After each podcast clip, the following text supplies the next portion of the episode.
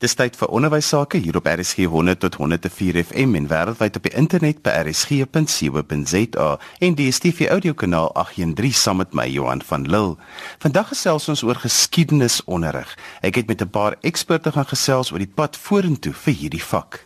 Um, ek is Ludwig Punt, ek is die kurrikulumbeplanner vir ehm um, die Metropool Noord Onderwysdistrik in die Wes-Kaap. Ek dink die groot probleem rondom geskiedenisonderrig vandag is dat nommer 1 ja, dit word nie dit word nie gesien as 'n brood en botter vak nie. Ehm uh, maar aan die ander kant is dit ook so dat geskiedenisonderrig maak ook die vak dood. Ehm um, wat bedoel ek daarmee? Uh eenvoudig dat onderwysers vandag nog steeds geskiedenis wil doseer uh deur vanuit 'n handboek voor te lees aan leerders en natuurlik by die ou metodiek te kom van dit is wat ons vandag gedoen het dis die opsommings wat ons maak, dit is wat julle môre moet ken. Ek dink ons leef in 'n nuwe tydvak, ons leef in 'n nuwe era. Die era waarin ons leef is die era van tegnologie. Dis die era van die visuele. Die kinders leer deur visueel te leer, deur te sien, te, te hoor en te ervaar. So uh, hierdie hierdie aspekte moet duidelik deel wees van geskiedenisonderrig, um, huidigelik maar ook in die toekoms. Al die hulpbronne om hierdie leer en hoor en voel ervaring te maak is beskikbaar. En ek dink ons sal moet kyk daarna om die metodologie te verbeter. In baie ander lande in die wêreld is geskiedenis verpligtend tot totdat jy die dag die skool verlaat en dit is ook sodat in Suid-Afrika daar klaarstemme opgaan om geskiedenis verpligtend te maak. Ehm um, in die proses is dit natuurlik nou 'n ideale geleentheid vir ons om ons onderwysers nou te bemagtig om hulle metodologie of dit soos die ou mense gesê het, hulle pedagogiek uh dan nou te verbeter. Ehm um, ons sal moet die vak interessant maak. Ons sal vir die kinders moet wys. Ons sal moet vir hulle laat voel waaraan voel aan 'n artefak uh aan 'n kleipot. Uh ons sal moet vir hulle laat hoor, ons sal moet na toesprake luister. Uh ons sal moet hulle laat luister as ons 'n werk doen oor die weerstandsgeskiedenis. Ons sal moet uh vir 'n uh, 'n uh, toespraak van Madiba vir hulle moet voorspeel. Ons sal vir hulle reaksie daarop moet vra. Uh ons sal moet vra dat hulle moet die persoon se toespraak met daai een vergelyk. En natuurlik uh, 'n verdere gedeelte van van die metodologie is ook om kinders toepassings te laat doen in geskiedenis. Geskiedenis is soos ander vakke, alhoewel dit 'n sosiale wetenskap is. Uh sal ons leerders moet begin om toepassings te kan doen, vergelykings te kan doen en natuurlik ook uit die einde van die dag um, hulle eie lewenservaring hier volgens kan skoei. Ek dink dit is basies die die die die hoofgedagtes wat ons um, ons sal moet uh, gebruik om geskiedenis vorentoe te laat gaan. Dr. Yuri Joubert is 'n geskiedskrywer en navorser en is al vir baie jare betrokke by die opleiding van onderwysers. Ek wil by hom weet hoekom dit belangrik is om nou te gesels oor geskiedenisonderrig van die toekoms. Ek dink daar is twee goeie redes Een is dat daar nou 'n komitee of kommissie aangestel is om die waarde van geskiedenisonderrig te verbeter en te verander. Die tweede een is 'n doeteenvoudige normale rede vir die tyd waarin ons lewe. Ons weet dat die kurrikulum word bedryf hier af op 'n paar eeue presies op dieselfde manier en dat die pedagogiek in die klaskamer het ook nie verander nie en ek daarin lê van die grootste oplossings. Adrien van As is verbonde aan die CPUT en lei onderwysers op. Adrien, wat is die uitdagings vanuit julle perspektief? Dit maak dit natuurlik moeilik want ons moet ook die KBV volg wat die vereistes is wat nog verskriklik inhoudgedrewe is en daarom stem ek dan nou saam met Yuri dat ons bietjie moet gaan kyk watter veranderinge moet plaasvind want ons kan nie net werk met 'n inhoudgebaseerde kurrikulum. Veral in geskiedenis moet ons baie fokus op vaardighede wat daarmee gepaard gaan wat uh, dit dan amper half meer 'n benadering is wat gebaseer is op vaardighede. Dit gaan na my mening ongelukkig baie meer oor net die keuse van inhoude wat gedoen moet word. Ek dink 'n mens moet gaan kyk en en dis jammer op hierdie oomblik in in en ek hoop hierdie program sit 'n gesprek aan die gang dat daar nie werklik 'n gesprek hieroor is nie want daar's ander maniere om 'n keuse te maak laat kinders besluite kan neem want as jy gaan kyk na Suid-Afrika dan wil ek amper beweer een van ons grootste probleme is, is rasisme, diskriminasie, xenofobie en geskiedenis is die ideale vak as jy dit korrek aanbied waar jy kinders kan help om weg te gaan van dit af. Die volgende ding vir my is is dat leer is 'n proses en jy moet daai proses baie goed struktureer. Jy kan nie vir kinders antwoorde gee soos 'n kussie tomaties wat gepak is en sê dis soos iets wat gebeur nie. 'n Laipot Skols die die bekende historiese het 'n uitspraak wat ek baie van hou. Hy vra hoe waar is die waarheid? Waar geskiedenis uiteindelik net hierdie wonderlike geleentheid is waar leerders op 'n ontdekkingstog kan gaan. En leerders hou van daardie idee om uiteindelik self te soek na inligting en daarom moet ons vir hulle daardie vaardighede gee. En dis die rede hoekom ek van geskiedenis hou want ons is van kleintyd af geleer om vrae te vra oor sekere goed om inligting te vind in boeke om uiteindelik amper half hierdie hierdie storie op te maak wat iemand nie net vir jou gee om te leer nie. Hierdie so kom ons praat bietjie oor saamgesmelte leer wat die mooi Afrikaanse woord is vir blended learning. Watter rol behoort dit te speel of speel dit al reeds 'n rol in geskiedenisonderrig op skool? Ek hoop dit speel 'n rol maar ek twyfel op baie baie ek dink die die die idee is is dat jy kan tog nie onderrig gee en verwag dat een onderwyser jou totale bron is waar jy al die inligting gaan kry nie. Blended learning of saamgesmelte leer verwys daarna dat jy alle bronne wat moontlik is en natuurlik is daar nou baie wat digitaal waard is wat jy moet gaan kyk. Maar die punt bly daarby dat as jy 'n bron klakkeloos aanvaar, dan beteken dit vir jou niks. Eh, ek wil dit so probeer verduidelik. Ek dink daar's baie kinders wat baie goed doen in die vak geskiedenis, maar niks verstaan wat hulle leer nie.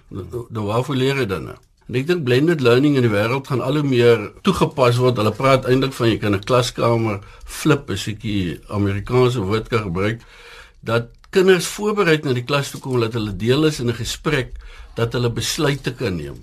Ek dink een van my ou leermeesters professor C.V. Miller het vir my baie ware geleer en gesê geskiedenis is 'n werkwoord, dis nie 'n selfstandige naamwoord nie. En ek dink dis die groot enkele probleem wat daar is en blended learning gaan vir jou almekaar laat werkwoorde gebruik. Adrien, ek het nogal baie in die laaste ruk in die media agtergekom dat mense geskiedenis soos wat hy nou ook gesê het, maar ook verstaan soos hulle dit wil verstaan dat hulle geskiedenis gebruik as 'n werkwoord soos hulle dit wil gebruik of soos hulle dit graag as as 'n voertuig, so dit maak geskiedenisonderrig net soveel meer belangriker want ehm um, baie van die goed wat ons nou mee sukkel van rasisme tot by ehm um, xenofobie Geskiedenis is het die sleutel om baie van daai dinge op te los en verstaan by mense te bring. In 'n meer vaardigheid gebaseerde kurrikulum is perspektief een van die aspekte wat kan amper se ondersoek moet word. Dat leerders moet leer dat daar is verskillende perspektiewe. En jou perspektief hang uiteindelik ook maar net af van van wat jy weet. En daarom moet ons uiteindelik mooi gaan vir leerders geleenthede gee om te leer.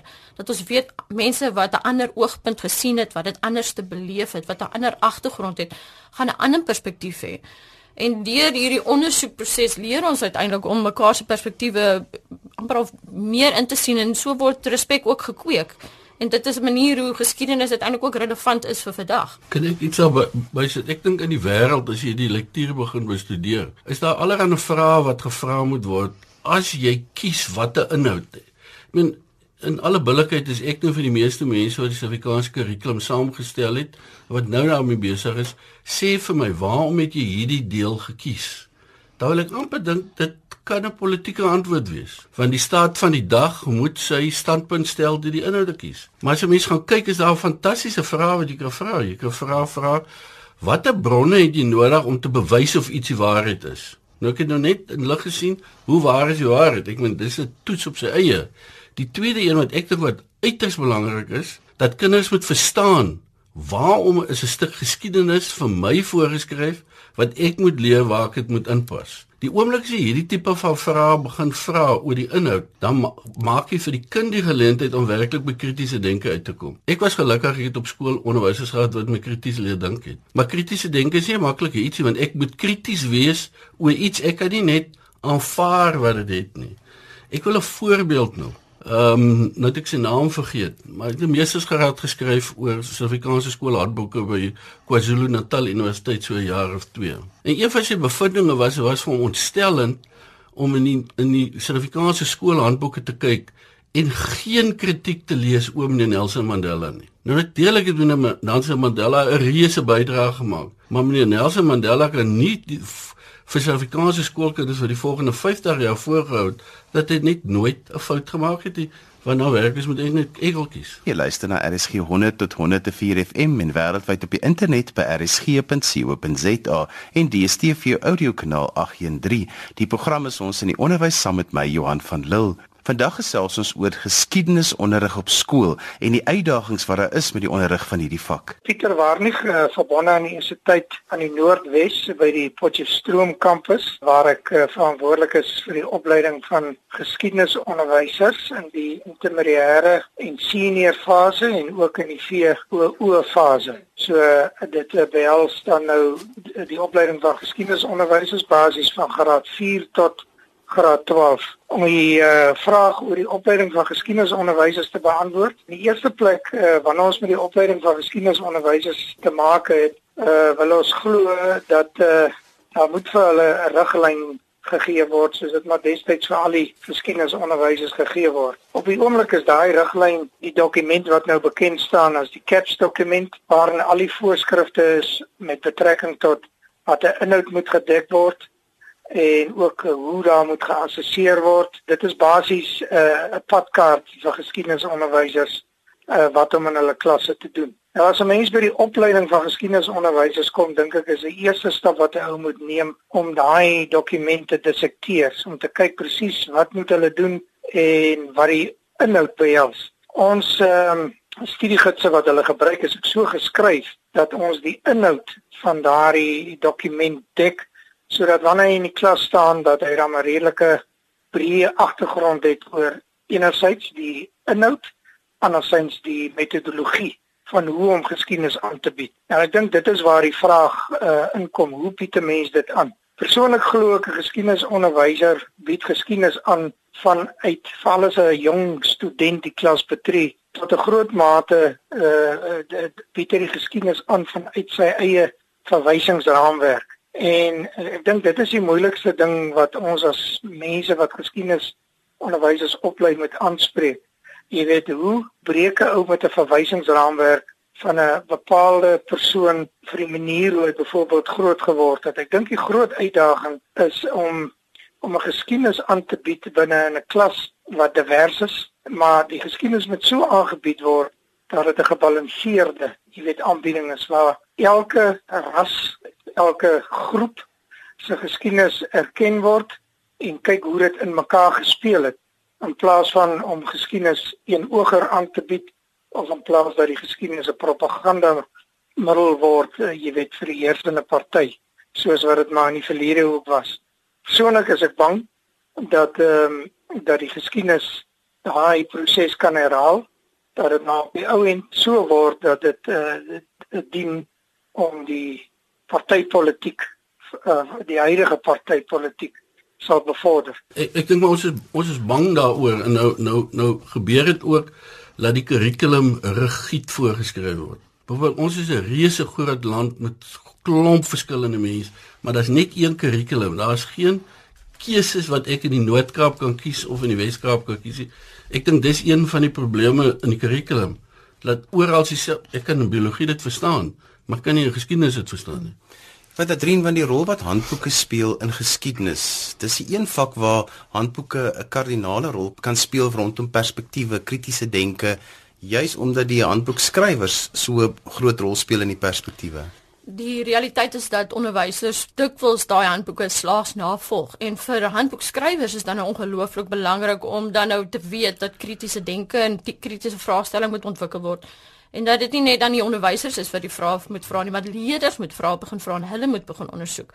En daarom is handboeke uiteindelik ook maar net 'n vertrekpunt vir verdere leer. En 'n uh, handboek maak dit ook dan nou moeilik vir juis soos wat Juri nou genoem het om amper half konteks in ag te neem. Ons wat nou in die Weskaap is, wil moet, moet uiteindelik meer leer oor ons eie geskiedenis, die mense hier en vir handboekskrywers maak dit nou moeilik, maar hulle kan natuurlik daardie leiding verskaf oor wat in dorpe, in families, in gesinne, in gemeenskappe uiteindelik ondersoek word. Hierdie daar was 'n interessante ding hierdie week in een van die dagblaaie waar een van die Feesmas vol organiseerders 'n opmerking gemaak het wat gesê het dat die kinders moet meer Afrika gebaseerde onderrig kry of Afrika gebaseerde inhoude bring dit vir 'n bietjie in konteks met ehm um, geskiedenisonderrig. Vir my klink dit heel logies. Ek is 'n Afrikaan. Ek wil meer weet van wat in Nigerië en in Kenia gebeur en so aan. So die beginsel is vir my reg, maar ons kan 'n stukkie weg wens dat Suid-Afrika te reuse tyd te doen gehad met Europese invloede nie. So ons kan dit nie ontken dat die VOC slawe Suid-Afrika toe gebring het nie. Ons kan dit nie wegkyk nie. Dis juis hierdie wat ek sê dat jy 'n keuse moet maak. Hoekom kies jy 'n stuk werk?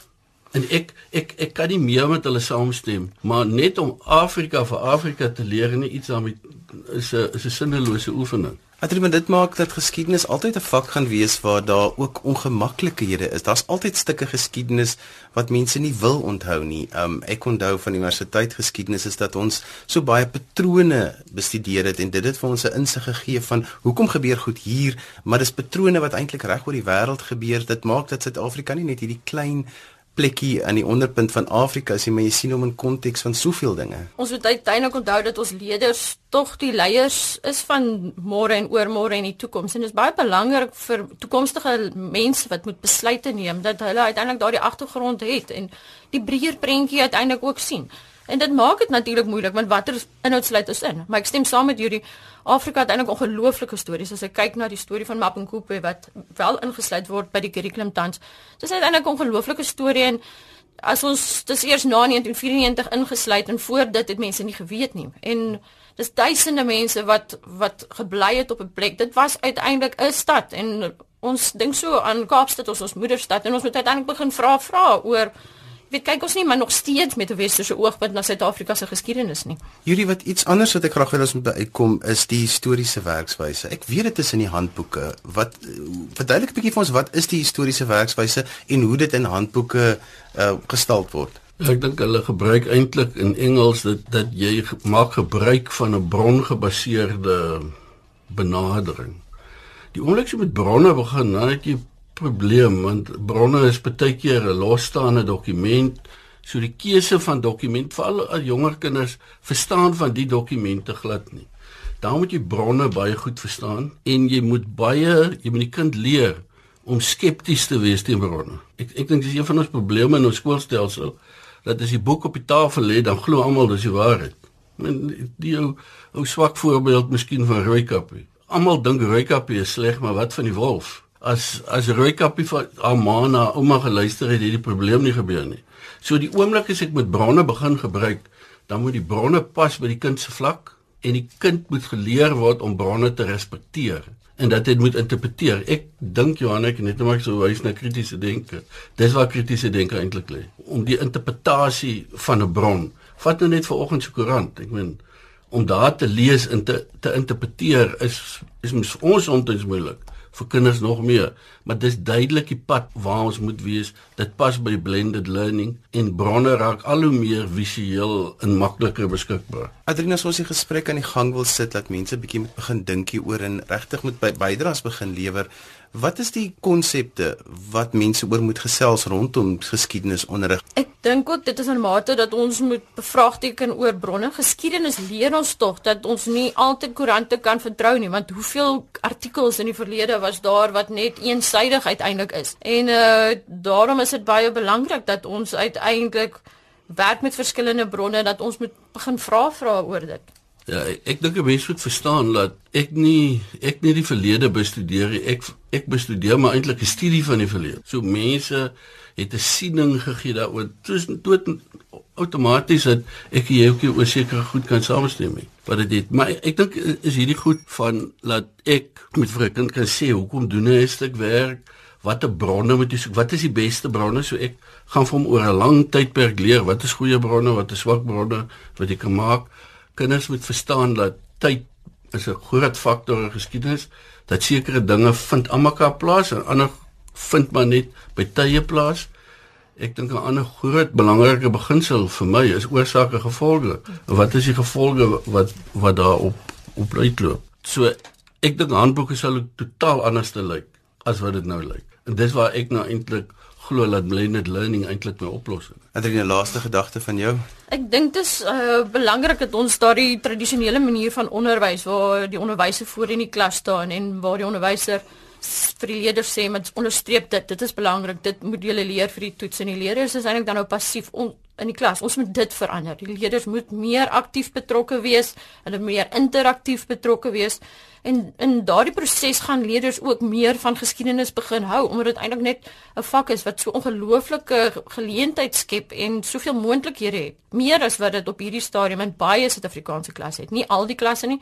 Daar's baie ongelooflike onderwysers daar buite En uh, om hierdie gesprek aan die gang te sit is juis om dat om weer onderwys 'n bietjie te verander, om onderwysers 'n bietjie te verander en 'n bietjie hulle meer by te staan daarmee. Ek werk in 'n handleiding waar onderwysers opgelei kan word aan die hand van blended learning om die goed te doen wat ons nou van praat. Ek meen in geen vakkie maar veral geskiedenis is hier nie eksakte waarhede nie. So jy moenie 'n waarheid verwag nie. Laat kinders praat oor wat dink is hy die waarheid. En ek dink geskiedenis het 'n reuse rol om te speel om ons hele samelewing te verander, anders te laat dink. Ek meen elke keer as ek van rasisme hoor, da, dan dink ek maar dis eintlik geskiedenis se skuld dat dit daar is want uit die voorbeelde wat ons het moet dit wees.